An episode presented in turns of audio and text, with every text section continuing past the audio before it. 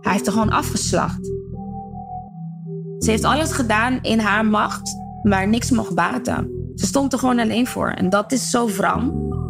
Elke acht tot tien dagen wordt er in Nederland een vrouw gedood door haar partner of ex-partner. Ja, een half uurtje voordat het gebeurde heeft ze mij nog gestuurd. Ik heb hem eens goed de waarheid verteld. Hij weet precies hoe ik erin sta. Nou, een half uur later was ze er niet meer. Hoe kan het dat vrouwenmoord zo wordt onderschat in Nederland? Iedereen moet het gewoon weten hoe ernstig het is in, hier in dit land. Hoeveel het speelt. En zonder dat het eigenlijk bekend wordt gemaakt. Het komt pas naar buiten wanneer er een moordaanslag op je wordt gepleegd. Dan zie je pas hoe ernstig het is. In deze podcast ga ik in gesprek met nabestaanden van slachtoffers, de politie, officieren van justitie, advocaten, politici en ervaringsdeskundigen op het gebied van huiselijk geweld. Want ja, wie is de volgende? Als om de acht dagen iemand wordt vermoord. Het is gewoon gevaarlijk. Je moet echt oppassen. Het is gevaarlijk. Welke fouten zijn er gemaakt en hoe zorgen we ervoor dat vrouwen veilig zijn, juist achter de voordeur?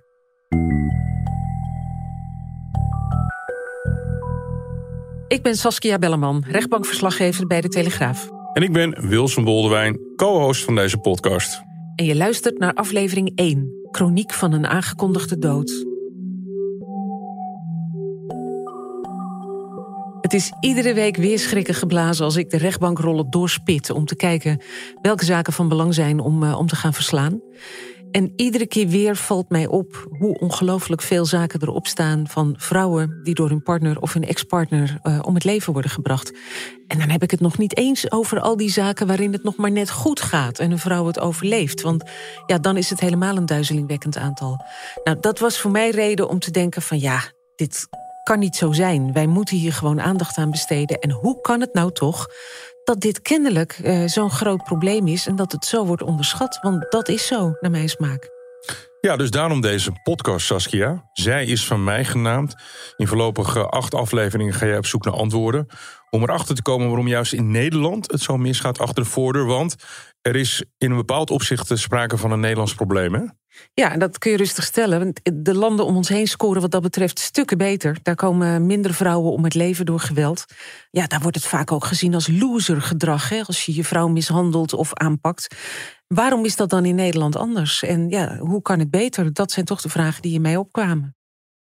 Mijn naam is Wilson Boldewijn. U kent mij misschien van de zaak Ontleed, de andere podcast die ik maak samen met Saskia. Ja, en waarom doen we dit nou samen? Omdat het uh, mij eigenlijk een heel goed idee leek als er ook een man zou meepraten over dit onderwerp. Want nou ja, je weet Wilson, we hebben eerder gesproken over dit onderwerp en jij maakte toen een paar opmerkingen waardoor ik dacht, oké, zo kijk ik er dus niet tegenaan, maar zo kijkt een man er dus wel tegenaan. En ja, ik vind dat toch wel heel belangrijk om ook in deze podcast te hebben. Ja, toen hebben we het erover gehad dat ik begrijp dat je als man heel bezitterig, gevoelsmatig kan zijn richting een vrouw. Waarmee ik natuurlijk totaal niet goed praat wat er hier gebeurt, want dit is een vrij ernstig onderwerp. Maar mannen zijn wel anders geconditioneerd. Maar de cijfers zijn inderdaad uh, niet meer te ontkennen, Saskia, dat is duidelijk. Want uh, bijna elke week wordt er in Nederland een vrouw vermoord door haar partner of ex-partner. En toch is het nauwelijks een onderwerp in Nederland. Ja, dat klopt. Vrouwen die melding komen doen van stalking of bedreiging worden eigenlijk altijd het spreekwoordelijke bos ingestuurd. Politie, hulpverlening, ze zien het eigenlijk altijd een beetje als het gebruikelijke gekibbel dat je altijd wel hebt tussen bijna ex-echte lieden. Emoties kunnen soms hoog oplopen en ja, de gedachte is dan toch een beetje van joh, waar twee kijven hebben twee schuld, praat het gewoon rustig uit. Ze zien het in ieder geval als iets dat je zelf achter de voordeur moet oplossen. Ja, en dat doen dus veel mannen ook, eh, maar dan met een wapen of met hun vuisten. En volgens René Rumkes, die wij hebben gesproken, wordt geweld tegen vrouwen gewoon veel minder serieus genomen. Als er een melding komt van een winkeldiefstal in een winkelcentrum bijvoorbeeld, dan zie je in de meeste gevallen dat de politie werkelijk met een noodvaart probeert daar te zijn. En hoe dan ook, of een diefstal in een woning, om mensen nog te kunnen betrappen. Als er een melding van huiselijk geweld komt, zie je dat dat vaak een lagere prioriteit krijgt. Dat wordt minder belangrijk gevonden omdat het een relatieprobleem is. René Rumkes is emeritus hoogleraar gendergerelateerd geweld aan de Universiteit van Amsterdam. Zij heeft dodelijk geweld tegen vrouwen als maatschappelijk probleem op de kaart gezet in Nederland. Het krijgt geen prioriteit. En als het over de geweldproblematiek gaat tegen vrouwen, wordt die echt nog te vaak onderschat. De ernst. Het valt mee. De meneer is overstuur omdat er bijvoorbeeld sprake is van een scheiding of het is vervelend voor u, maar het zal wel ophouden. Eh, wat dat betreft eh, de zaak van uh, Humeira, die heb ik de rechtbankzitting van gevolgd. Die liet dat heel duidelijk zien. Dat die politie heus wel in de gaten had dat het helemaal niet deugde wat die jongen deed. Maar tegelijkertijd dacht van ja, het gaat wel weer over en het houdt op.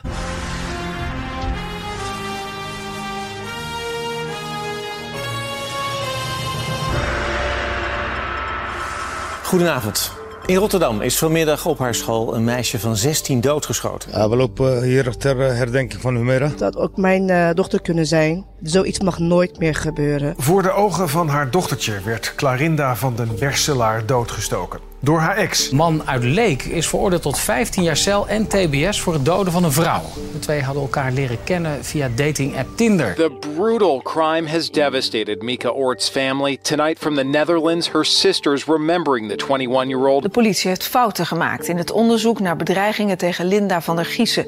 De vrouw die maandag bij een ziekenhuis in Waalwijk is doodgeschoten. Op de parkeerplaats van een winkelcentrum in Zwijndrecht is vanmiddag een vrouw van 66 doodgeschoten. Haar 38-jarige dochter raakte zwaar gewond. Maar heb eerst mijn moeder geschoten. Gewoon gelijk. Hoe ik het meekrijg, bam bam, klaar. Hoe, hoe ziek ben je? Waarvoor? Omdat je verkering uit is. Zeg je zielig het. Ja, dit zijn uh, echt een uh, behoorlijk aantal ernstige gevallen hè, van vrouwenmoord. En we horen natuurlijk die zaak van die uh, 16-jarige Humera op die school in Rotterdam. Dat staat echt nog allemaal in ons geheugen gegrift. Hè, dat fietshok van die school. En ze zou uh, Saskia op die dag voor de vijfde keer aangifte doen tegen een man met wie zij kort aan het daten was. We komen hier uiteraard later nog op terug. Linda van der Giezen, hetzelfde verhaal, het ook meerdere keren aangifte. Wat voor verhalen gaan we in deze podcast horen? We hebben gesproken met slachtoffers, met nabestaanden. Ik zeg slachtoffer omdat we ook hebben gesproken met iemand die een aanslag heeft overleefd. We hebben ook gesproken met een dader. Iemand die uh, heeft gezegd van ja, ik heb twee van mijn partners heb ik uh, behoorlijk fors mishandeld. En hij legt uit hoe hij zover is gekomen. Maar we kijken verder dan dat. We willen niet alleen maar voorbeelden noemen waar het mis is gegaan. We hebben ook interviews gehad met mensen die ja, zoeken naar wegen om het te verbeteren. Om ervoor te zorgen dat dat, dat vreselijke cijfer omlaag wordt gedrongen. Dus we hebben gesproken met een officier van justitie. We hebben gesproken met politiemensen. Met een forensisch psycholoog. Allemaal mensen die proberen na te gaan. Hoe komt het nou dat het zo vaak misgaat in Nederland? En wat kunnen we doen om het te verbeteren? Ja, in het eerste in vier delen horen we dus echt veel cases. Ja. Inclusief iemand die zelf uh, iemand heeft mishandeld. Ja, precies. En de tweede helft is meer gereserveerd voor wat valt er aan te doen? De hulpverlening, politie, exact, justitie. Ja. De mogelijke oplossingen. Ja, want laten we hopen dat die er zijn. Nou, we gaan nu luisteren naar uh, het verhaal van de zussen van Regan Perez. Reagan trok maar liefst 17 keer aan de bel bij de politie voordat zij in 2019 werd vermoord door haar ex Roberto. Nou, zojuist in het fragment hoorde je de vrouw spreken die begin 2023 werd neergeschoten door haar ex Lucky in Zwijndrecht. Ze is waarschijnlijk voor de rest van haar leven aan een rolstoel gekluisterd en haar moeder overleefde de schietpartij niet. Dat nieuws over die vrouwenmoord kwam vorig jaar hard binnen bij Lucendi, het jongste zusje van Reagan. Toen ik dat hoorde, toen kreeg ik zo'n knoop in mijn maag. Want ik dacht, dat had ook met mijn moeder kunnen gebeuren. Want zij was ook daar. En net die ene keer dat ze net weg is gegaan om even naar mijn tante te gaan. En dat het toen gebeurde, dat zit daar ook gewoon zo erg dwars. De schok in Kerkrade was groot nadat de vrouw op 10 juli op klaarlichte dag met messteken om het leven werd gebracht. De steekpartij vond plaats bij het huis van de vrouw. En veel buurtbewoners waren er getuigen van. Ja, en toen zagen we dat dit gebeurd was. Ja, dat is vreselijk, vind ik dat. In twee maanden tijd heeft ze 17 keer contact gehad met de politie. Aangifte en zo gedaan, maar omdat ze niet, ja, volgens mij dachten ze, ja, het kan iedereen zijn. Ze konden niet echt de vinger erop zetten, leggen van, oké, dat is hij. En ze vonden hem niet een, niet een dreiging. Maar ze heeft ook gezegd dan dat, dat hij ook een, een ex-TBS'er is. Maar ze hebben haar niet serieus genomen. Maar ja, als iemand bij de politie komt en die zegt van ja, um, ik heb het uitgemaakt met mijn ex. Ik heb aangifte gedaan, er is een contactverbod. En er wordt niks mee gedaan, dat vind ik best wel raar.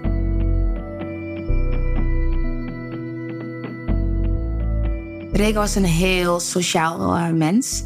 Heel uh, lief, aardig.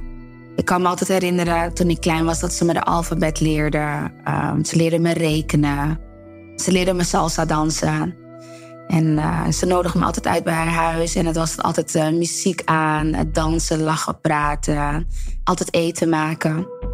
Ik ben Farisa. En ik was wat ouder. Um, ze was heel slim. Ze werkte echt bij uh, grote bedrijven als boekhoudster. Maar zij rekende alles goed uit tot de puntjes. Daar was ze heel goed in. Heel ijverig in. Daar hield ze ook echt van. Ze zei dingen zoals van... ja, je moet altijd zo lang mogelijk naar school gaan... Want uh, een diploma is je man. en daar kan je op bouwen. En uh, weet je, wees slim. Ze was altijd heel gecalculeerd. Uh, ze liet je wel echt over dingen nadenken. En ik ben echt dankbaar dat ze me dat heeft geleerd. Het was mijn zus. Wij gingen overal naartoe. Met z'n tweeën af, feestjes af. En ja, dat was 18, 19. En die ervaring gingen we delen. Maar dat kan ik dus nu niet meer. Ze omvermde zich ook over de buurtbewoners. Dus mensen kwamen ook bij haar thuis om uh, hun financiën op orde te stellen. Ze schreef mensen in voor woningnet, uh, DigiD-codes aanvragen, cupcakes bakken voor de kinderen in de buurt. Ze vond het gewoon heel fijn om mensen te helpen. Zo iemand was dat echt een heel groot hart. We spraken ook heel veel aan de telefoon, drie uurtjes of zo, tot, tot vier uurtjes, want ze woonde in Limburg. En we spraken heel veel. Dat mama zei, oh, houden jullie eens op met haar met uh, praten aan de telefoon. Maar ja, dat was omdat zij ver weg woonde. Tot, tot haar dood heb ik drie uur, voordat ze overleed, heb ik drie uur met haar gesproken. Farisa en Reagan spraken elkaar de avond voor de moord nog drie uur lang over de telefoon, tot middernacht. Hoe kan het dat ze niks door had? Ja, ik sprak met haar, dus ik hoorde wel veranderingen in haar stem. Dat ze niet helemaal gelukkig was op een of andere manier. Maar niet dat ze dat uitsprak. Van, goh, ik ben niet gelukkig. Ze zei, ja, ik ben hartstikke gelukkig. Dacht ik, volgens mij is het een beetje net iets overdreven. Het kwam bij mij um, heel overdreven over. Van, ja, ik ben wel gelukkig, ik ben wel gelukkig. Iets klopt gewoon niet, dacht ik. Wel mm. onderbuikgevoel, dat had ik wel. Nou, we horen ja. wel verhalen op een gegeven moment. Dat ze op krukken liep. Of uh, dat het uit was. Of dat hij iemand anders had. Zulke verhalen. We hebben familie daar wonen. Maar omdat zij het zelf niet bevestigde, zochten we er niks achter.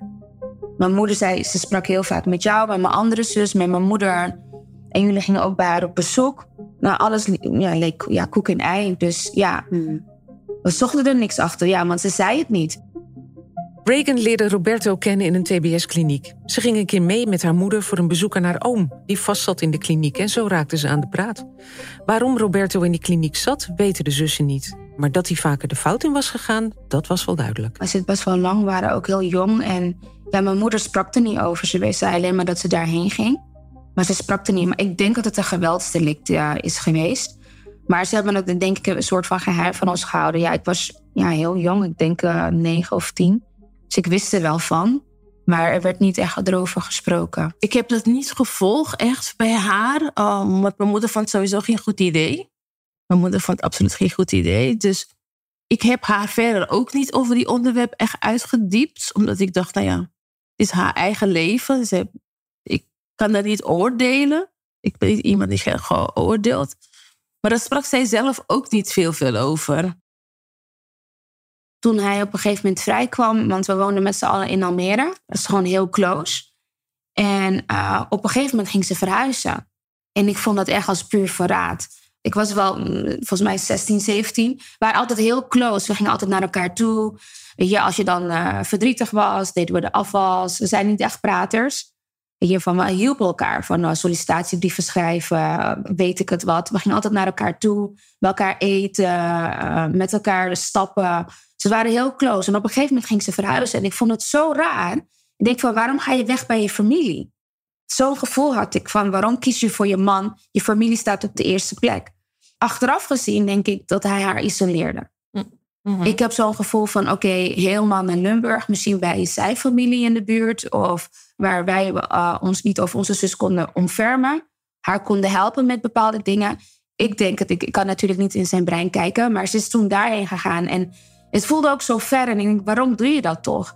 En zo hadden we ook geen inzicht in wat er gebeurde. En je hebt het ook nooit echt gevraagd aan haar. Van waarom ga je daar naartoe? En Waarom zien we elkaar nog zo weinig? Ik heb er wel geconfronteerd meer daarover. Maar het was een beetje een, een slechte timing. Want onze andere oom van ons was overleden. Dus het was een beetje gevoelig. Um, Maar ze had nooit echt een direct eh, antwoord erop gegeven. Maar ze had een hele goede vriendin, maar die kwam ook niet meer. En zij, zij zei ook van ja, hij heeft me gebeld en zei bepaalde dingen tegen mij. Ja, dan wil ik ook liever niet bij haar zijn. Ook veel vrienden haar en Dutch wilde ook gewoon niet bij haar naar huis komen. Reagan en Roberto zijn zo'n 11 à 12 jaar samen als Reagan erachter komt dat Roberto een affaire heeft. Ze verbreekt de relatie. Vanaf dat moment wordt het geweld van kwaad tot erger. Was zij ook alweer zonder mij en niemand anders? Ondanks het feit dat hij zelf een nieuwe vriendin Ja. heeft. We weten ook dat ze ooit bij een vriendin eh, thuis was en dat hij haar daar kwam opzoeken. En die vriendin wilde niet echt open doen, had de deur op een keer. En dat hij dan gewoon toch naar binnen is gegaan. En dat hij mijn zus heeft aangevallen. En uiteindelijk kon die vriendin hem een beetje afweren, zodat uh, Regan kon vluchten. Eenmaal in de buiten of op straat heeft hij een fiets toen tegen haar aangegooid. Toen is ze op haar knieën gevallen en daardoor liep ze ook op krukken. De politie was toen ook gekomen, toen is hij ook, ook snel weggegaan. Ze heeft aangifte daarvan gedaan, sowieso. Ze zeiden van ja, uh, we zeiden ja, waarom zijn jullie niet achter hem gegaan om kijken waar hij woont, om toch even met hem te praten? Nee, we konden hem niet vinden, zei de politie. Dus ze hebben verder niks aan gedaan. In twee maanden tijd probeert Reagan van alles om haar eigen dood te voorkomen. Te vergeefs. Ze vraagt vriendinnen om boodschappen voor haar te doen als ze het huis uit moet. Ze belt een taxi die pal voor de deur stopt zodat ze snel kan instappen. Ze vervangt de sloten van haar deur, hangt camera's op, licht haar buren in. En ze dwingt een straat- en contactverbod af via haar advocaat. Ze spreekt maar liefst 17 keer met de politie en steeds krijgt ze iemand anders te spreken. Ze heeft aangifte gedaan, ook omdat die camera was, uh, uh, ja, kapot was gemaakt. De scooter werd op een gegeven moment ook gestolen. Er gebeurden heel veel dingen waarvan ze wist dat hij dat was. De gordijnen waren dicht, de rolluiken waren naar beneden. Ze ging niet meer naar buiten. En uh, ze wilde eigenlijk ook niet dat mijn moeder daar was. Maar mijn moeder bleef wel uh, bij haar. En wat mijn moeder ook zei, was ze zat een hele rare blik in de ogen.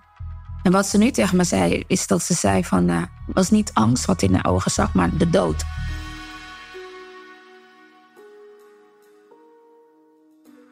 Saskia, je hebt wel vaker gezegd dat als jij hierover publiceert, hè, vooral op, op social media, op Twitter, dat mensen altijd antwoorden met: ja, maar dan worden toch altijd veel meer mannen vermoord in Nederland dan vrouwen. Waarom, waarom is dat zo'n issue voor jou? Ja, dat klopt. En het is ook zo. Hè. Als je naar de cijfers kijkt, dan komen er inderdaad meer mannen om het leven door geweld dan vrouwen. Alleen, het is een ander soort geweld. Mannen worden doorgaans omgebracht tijdens ruzies, dronkenmansconflicten en zo. Of binnen het criminele circuit. Als een vrouw wordt omgebracht, is dat in vrijwel alle gevallen, in het grootste aantal gevallen, door de hand van haar man of ex-partner. Ja, en dat is toch wel een groot verschil, omdat nou juist achter de voordeur in je eigen huis je je veilig zou moeten kunnen voelen bij je eigen partner. En juist die eigen partner blijkt dan vaak het grootste gevaar te zijn. Ja, samengevat, mannen komen om het leven door een externe strijd. Ja. En vrouwen door interne strijd en dan binnen in de relationele sfeer. Ja, we hebben daarover gesproken met Erik Blauw, die als forensisch psycholoog is verbonden aan de Hanse Hogeschool in Groningen. Hij heeft onderzoek gedaan naar de groepen waarin je daders zou kunnen indelen. De dynamieken zijn daarin heel anders. Een, een deel van de moorden heeft alles te maken met, met, met geld en drugs. Ja, dat is toch iets meer een mannenwereld. Waar je bij wijze van spreken nog iets van zou kunnen zeggen. Ja, daar kies je ook voor een deel voor. Maar als slachtoffer van huiselijk geweld of stalking op geen enkele manier kies je daarvoor. Dus de dynamieken zijn anders, de impact is anders. Er kan van alles gebeuren in je leven, maar iets moet veilig zijn en dat is je thuis. En als je zelfs thuis niet veilig bent, ja, ik vind het huiselijk geweld, maar ook, uh, ook incest, dat vind ik eigenlijk de meest schrikbarende delicten die er zijn. We willen maar niet toegeven dat 95% van de plegers van geweld tegen vrouwen mannen zijn. Waar komt toch die weerstand vandaan? René Rumkens. Ik heb in mijn boek een essay geschreven dat heet De Wil tot Niet Weten. Waarin ik inderdaad met een serie voorbeelden laat zien dat er een actieve ontkenning gaande is. Ook als feiten. Waarom is daar nou zo'n weerstand tegen? Omdat je ook met die cijfers die dat andere beeld laten zien, mannen een spiegel voorhoudt dat een heleboel mannen kennelijk niet in controle zijn over die emoties. Ook die agressie niet. Dat is bedreigend. Dat zelfbeeld van mannen in een westerse wereld drijft voor een deel op de notie dat je gewoon in staat bent jezelf te beheersen. Punt. Je hoort Lucendi. Op een gegeven moment is mijn moeder naar Limburg gegaan. Ze had iets weer gehoord. En ehm, ik was toen thuis en ik denk, ah, mijn moeder zit meer dan twee weken daar of een maand. Mijn moeder was best wel lang daar. En mijn moeder belt me elke, ja, elke dag. En eh, toen dacht ik, waarom zit ze zo lang daar? Dus ik belde mijn moeder en ze nam schreeuwend op. Ik, huh? Mijn moeder heeft best wel een, een, stem. En die zei, ma. En ze was zo geagiteerd. Ik denk, ma, hoe gaat het? Wat is er? Ja, nee, bel me later. En ik zeg, mama, wat is er? Ja, bel me later en dan zeg ik het wel. Bel me later. Ik oh, oké. Ik zeg, waarom ben je zo lang daar? Ja, ja, ik kan nu niet praten. Bel me later. Ik denk, oké. Dat was op een maandag, als ik het goed heb. En ja, en ik was weer bezig met mijn zoontje. Er kwamen andere dingen weer tussen. Dus ik had niet meer gebeld. En daar heb ik nu wel eens heel veel spijt van. Want maandag belde ik mijn moeder. En volgens mij was het op een dinsdag of een woensdag was het toen gebeurd. Mijn moeder was daar. Mijn moeder zei tegen haar, ik ga eventjes weg. Toen zei ze tegen mijn moeder, ja, er komt zo iemand... Een, uh, omdat ze voor heel veel mensen taart uh, maakte... komt iemand een taart bij mij bestellen. En mijn moeder vroeg, ja, wie is dat? Zei ze gewoon iemand uh, van de buurt, die komt een taart. Dus niet zo gek, want heel veel mensen kwamen bij haar een, taart bestellen. Maar ze wist niet dat de moordenaar, die vrouw die een taart bij haar kwam bestellen, heeft betaald, 50 euro heeft betaald om haar uit huis te lokken. Dus op een gegeven moment is mijn moeder weggegaan en um, was zij dus thuis. Die persoon heeft dus aangebeld. Achteraf weten we uit de politierapporten um, dat we hebben gelezen dat die persoon continu met die man contact hield. Van ja, ze loopt nu daarheen, ze loopt nu naar de schuur. Maar ze moest eventjes naar de bank en ze vroeg die persoon: kan je even met me meegaan naar de bank? Omdat ze niet alleen naar buiten durfde, vroeg ze die persoon. Niet wetende dat uh, haar ex die persoon heeft betaald om haar naar buiten te lokken. Eenmaal buiten heeft die persoon een bericht gestuurd van ja, ze is nu buiten. Ze doet de schuurdeur open om met haar fiets naar buiten te gaan. En hij rent meteen op haar af en steekt haar meteen uh, in haar hart. En daarna heeft hij haar meerdere keren gestoken en daarna haar hals doorgesneden. Ook klaar ligt de dag um, voor haar deur.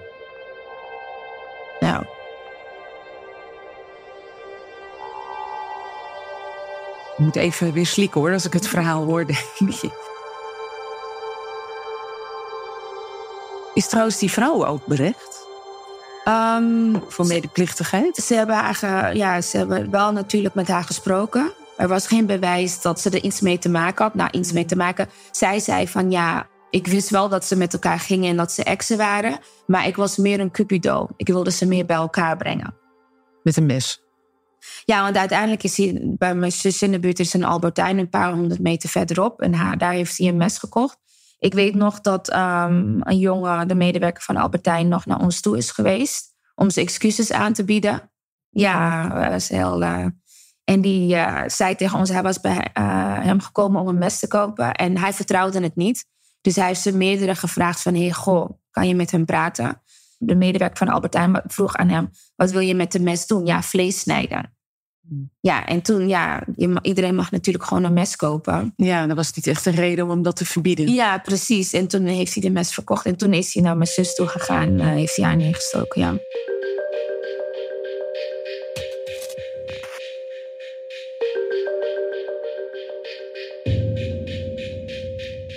Het kon erger aflopen. Ja. Mijn moeder ging even naar, de, naar mijn tante en toen daarna uh, was het gebeurd. Nou zei je net dat je moeder al een paar dagen eerder de dood in haar ogen zag. Heeft ze nog tegen je verteld wat ze daarmee bedoelde? En dat was achteraf, denk ik. Hè? Je hoort Farisa. Ze zag die blik en mijn moeder heeft zoveel mensenkennis. Ze zag het wel, ze kennen haar kinderen als het beste. En als ik een relatie heb met iemand, wil ze altijd diegene ontmoeten, wie het is. Dat doet ze standaard altijd. Maar ze zag wel iets. En achteraf gaat ze daar redeneren van, goh, dat was het. Dus achteraf het gebeurt, oh, dat was het eigenlijk wat ik zag. Dat denk ik. ja, ja, mijn moeder dat... is echt een matriarch die, die ontfermt zich echt over ons. Want wetende dat er bedreigingen zijn geweest en dat ze daar alleen is gegaan, ze heeft ons niet geïnformeerd. En dat ze de hele tijd bij mijn zus was en zich zo om haar omvermde, denk ik van zo, je bent echt een krachtvrouw. En dat ze de hele tijd bij haar bleef en ze weet niet van haar zijde. En net die ene keer dat ze net weg is gegaan om even naar mijn tante te gaan en dat het toen gebeurde, dat zit daar ook gewoon zo erg dwars. Dat ze het niet heeft kunnen voorkomen en dat ze er niet was. Ja, ze takelt helemaal af. Als ik haar ook zie, dan is er echt een schrijntje van over wat het toen was. En het, het, het breekt haar echt dat ze niks heeft kunnen doen. En ze is gewoon zo boos, verdrietig. En als ik haar zie, je, maakt me zo gewoon echt zo verdrietig. Het is gewoon een hele traumatische ervaring geweest voor ons. Maar ook gewoon voor haar, omdat ze ook daar was. En ja, ze zegt ook, je hoort je kind niet te verliezen. Je moet je kinderen overleven. En als ik haar dan elke keer zo zie en ze noemt haar naam niet, dat doet heel pijn. Wist jullie moeder dat, dat er sprake was van dergelijke doodsbedreigingen? Voordat het gebeurde, bedoelde ik? Ja, mijn moeder wist wel uh, mensen daar. Mijn moeder is een kleine Antilliaanse gemeenschap. Dus mensen horen veel. Mijn moeder komt ook mensen tegen. En uh, uh, ze heeft wel wat dingen gehoord. Ze heeft het niet verteld aan mij. Ze wilde ons denk ik er niet mee belasten. En ik denk ook, wat mijn moeder dacht, is dat... Ja, Reken had aangifte gedaan. Ze heeft alle hoop op de politie gezet. Dus het komt goed. Hij heeft een straatverbod, contactverbod. Ze heeft een advocaat in handen genomen. Ze is in goed contact met de politie, dus het, het komt wel goed. Maar achteraf horen we dat alles wat ze, dus de aangifte dat ze heeft gedaan over de vernieling van de camera en de scooter, dat het allemaal geseponeerd is. Ze hebben er niks mee gedaan. Ze hebben er niks mee gedaan. En haar hoop was echt van, ja, ik ben in contact met de politie, ze beschermen me wel, maar ze hebben haar aan de lot overgelaten. Na de dood van Reken zagen Lucendi en Farisa met eigen ogen welke voorzorgsmaatregelen hun zus allemaal getroffen had, voor het geval het fout zou gaan. Ja, want toen we bij haar thuis aankomen op haar bed lag de aangifte. En ook nog haar uh, verzekering. Uh, ze was dus uh, uitvaartverzekering is op haar bed gezet van pontificaal van toen we binnenkwamen van de aangifte en haar uitvaartverzekering. Jullie hebben een gesprek gehad met de politie. Hè? Wat zei de politie? Toen het was gebeurd in de week, dat Regen het vermoord, zij is ook gewoon langsgekomen bij ons hoor, bij Regen thuis. En toen hebben we ook gesproken en we hadden zoveel vragen van haar. Ze is bij jullie geweest, wat hebben jullie gedaan?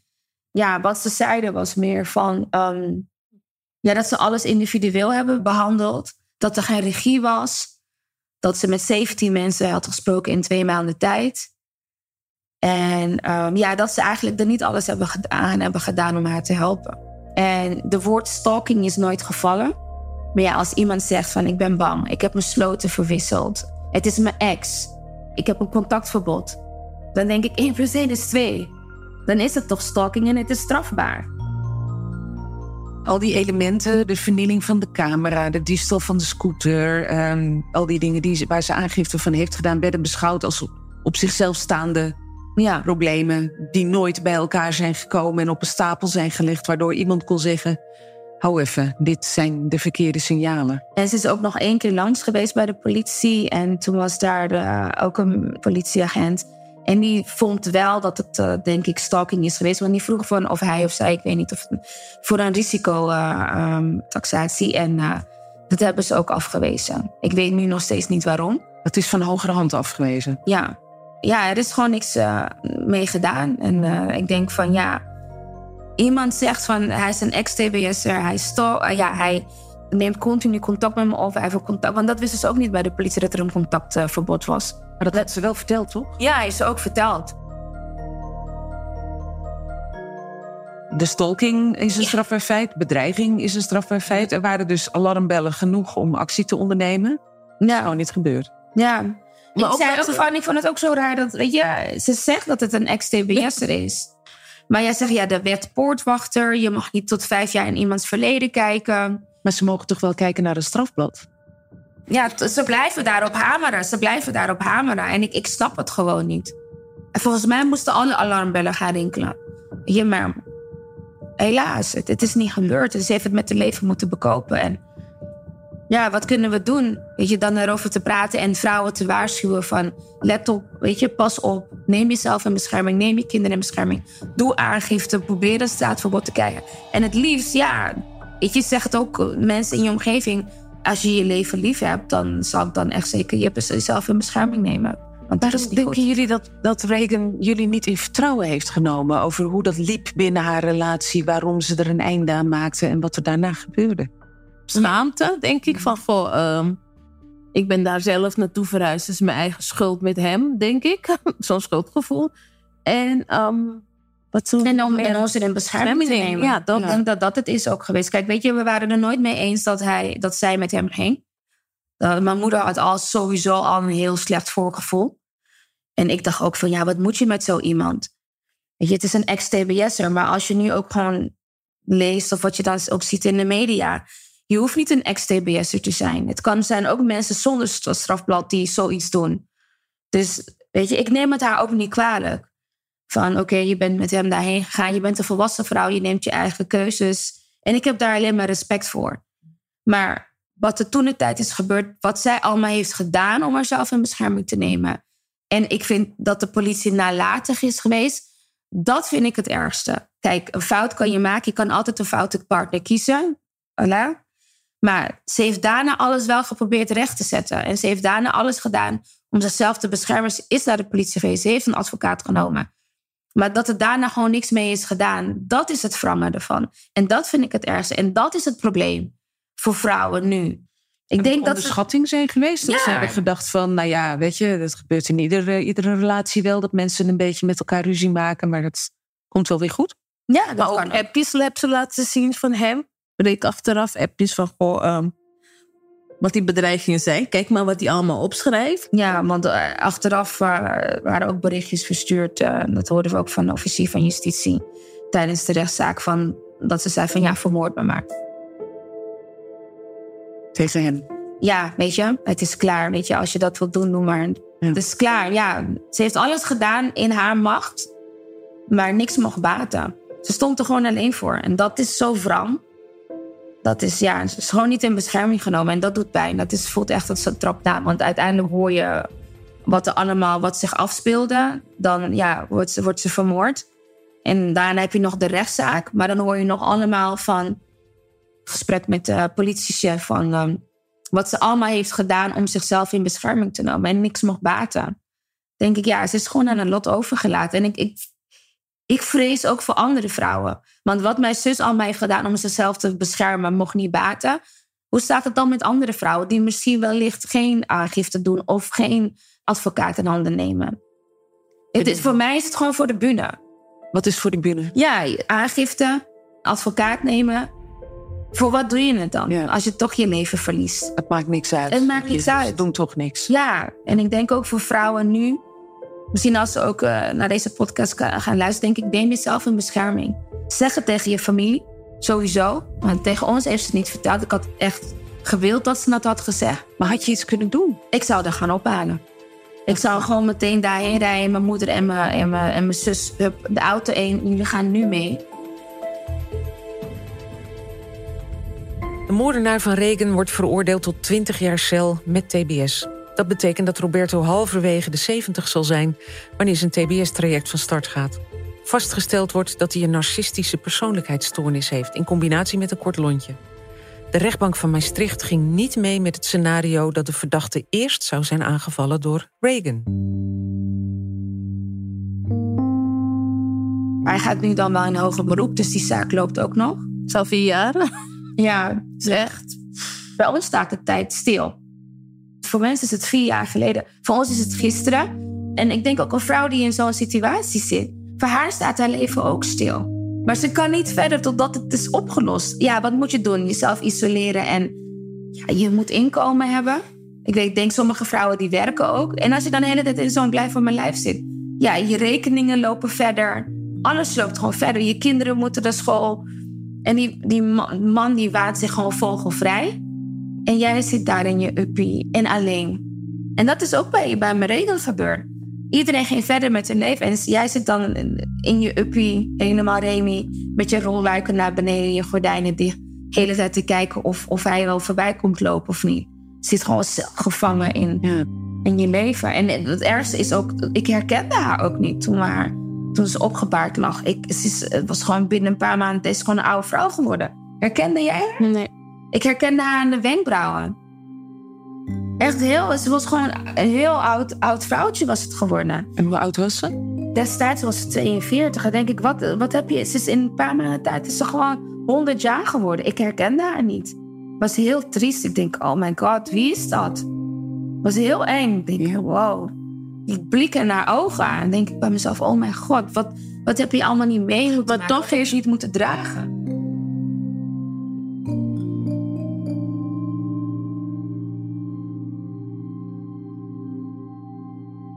Ja, dit is ontzettend heftig als je dit hoort.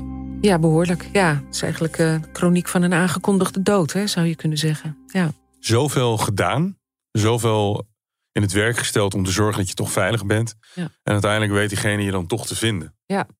De verdachte. Ja. Ja, precies. Uh, eh, 17 keer aan de bel getrokken bij de politie. Iedere keer iemand anders uh, hebben gesproken. En dan e-, steeds maar wordt dan ja, elke melding die wordt gedaan uh, op een andere manier geregistreerd, waardoor het totale overzicht nooit ontstaat. En dus ook de ernst van de zaak uh, wordt onderschat. En die, dit fatale gevolg. Die gedecideerdheid van de verdachte, dat is ook eng. Die vasthoudendheid. Ja, enorm. Ja, kennelijk rustte hij niet voordat hij zijn taak had volbracht. Zo zag hij het kennelijk.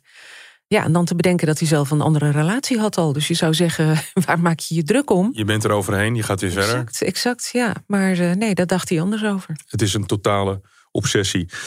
Wat ook erg vervelend is, nou, dat is een uh, understatement, is dat het allemaal heel lang duurt ja. voordat uiteindelijk de dader echt voor de rechter komt. Ja, hij is natuurlijk wel door de rechtbank al veroordeeld. Maar ja, ze zijn er nog niet vanaf, want er is hoger beroep aangetekend. En dat dient volgende maand, in februari 2024. En dat uh, ja, betekent weer een leidensweg voor de familie om dat allemaal weer te moeten meemaken. En het is inmiddels alweer zoveel jaar geleden. Dat uh, hoor je Lucendi ook zeggen. Hun leven is bevroren, hun leven staat stil. En zij komen gewoon niet aan rouwen toe voordat dit is afgehandeld en ze weten waar ze aan toe zijn. Ik hoop, en ik was vorige keer toen bij die hier inhoudelijk zit, ik was zo blij dat we achter glas zaten.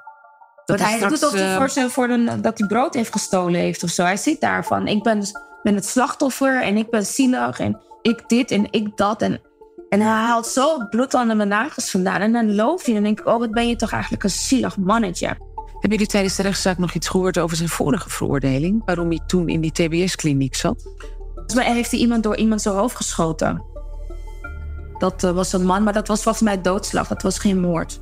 Ik hoorde ook dat op een gegeven moment... Um, dat was ook iets waarvan ik dacht van... mijn god, dat hij dan ook in een TBS-kliniek zat... en dat zijn vrouw wilde scheiden van hem. Ik weet niet precies, maar dan, dat ze met die kinderen daarheen ging... en zei dat ze wilde scheiden.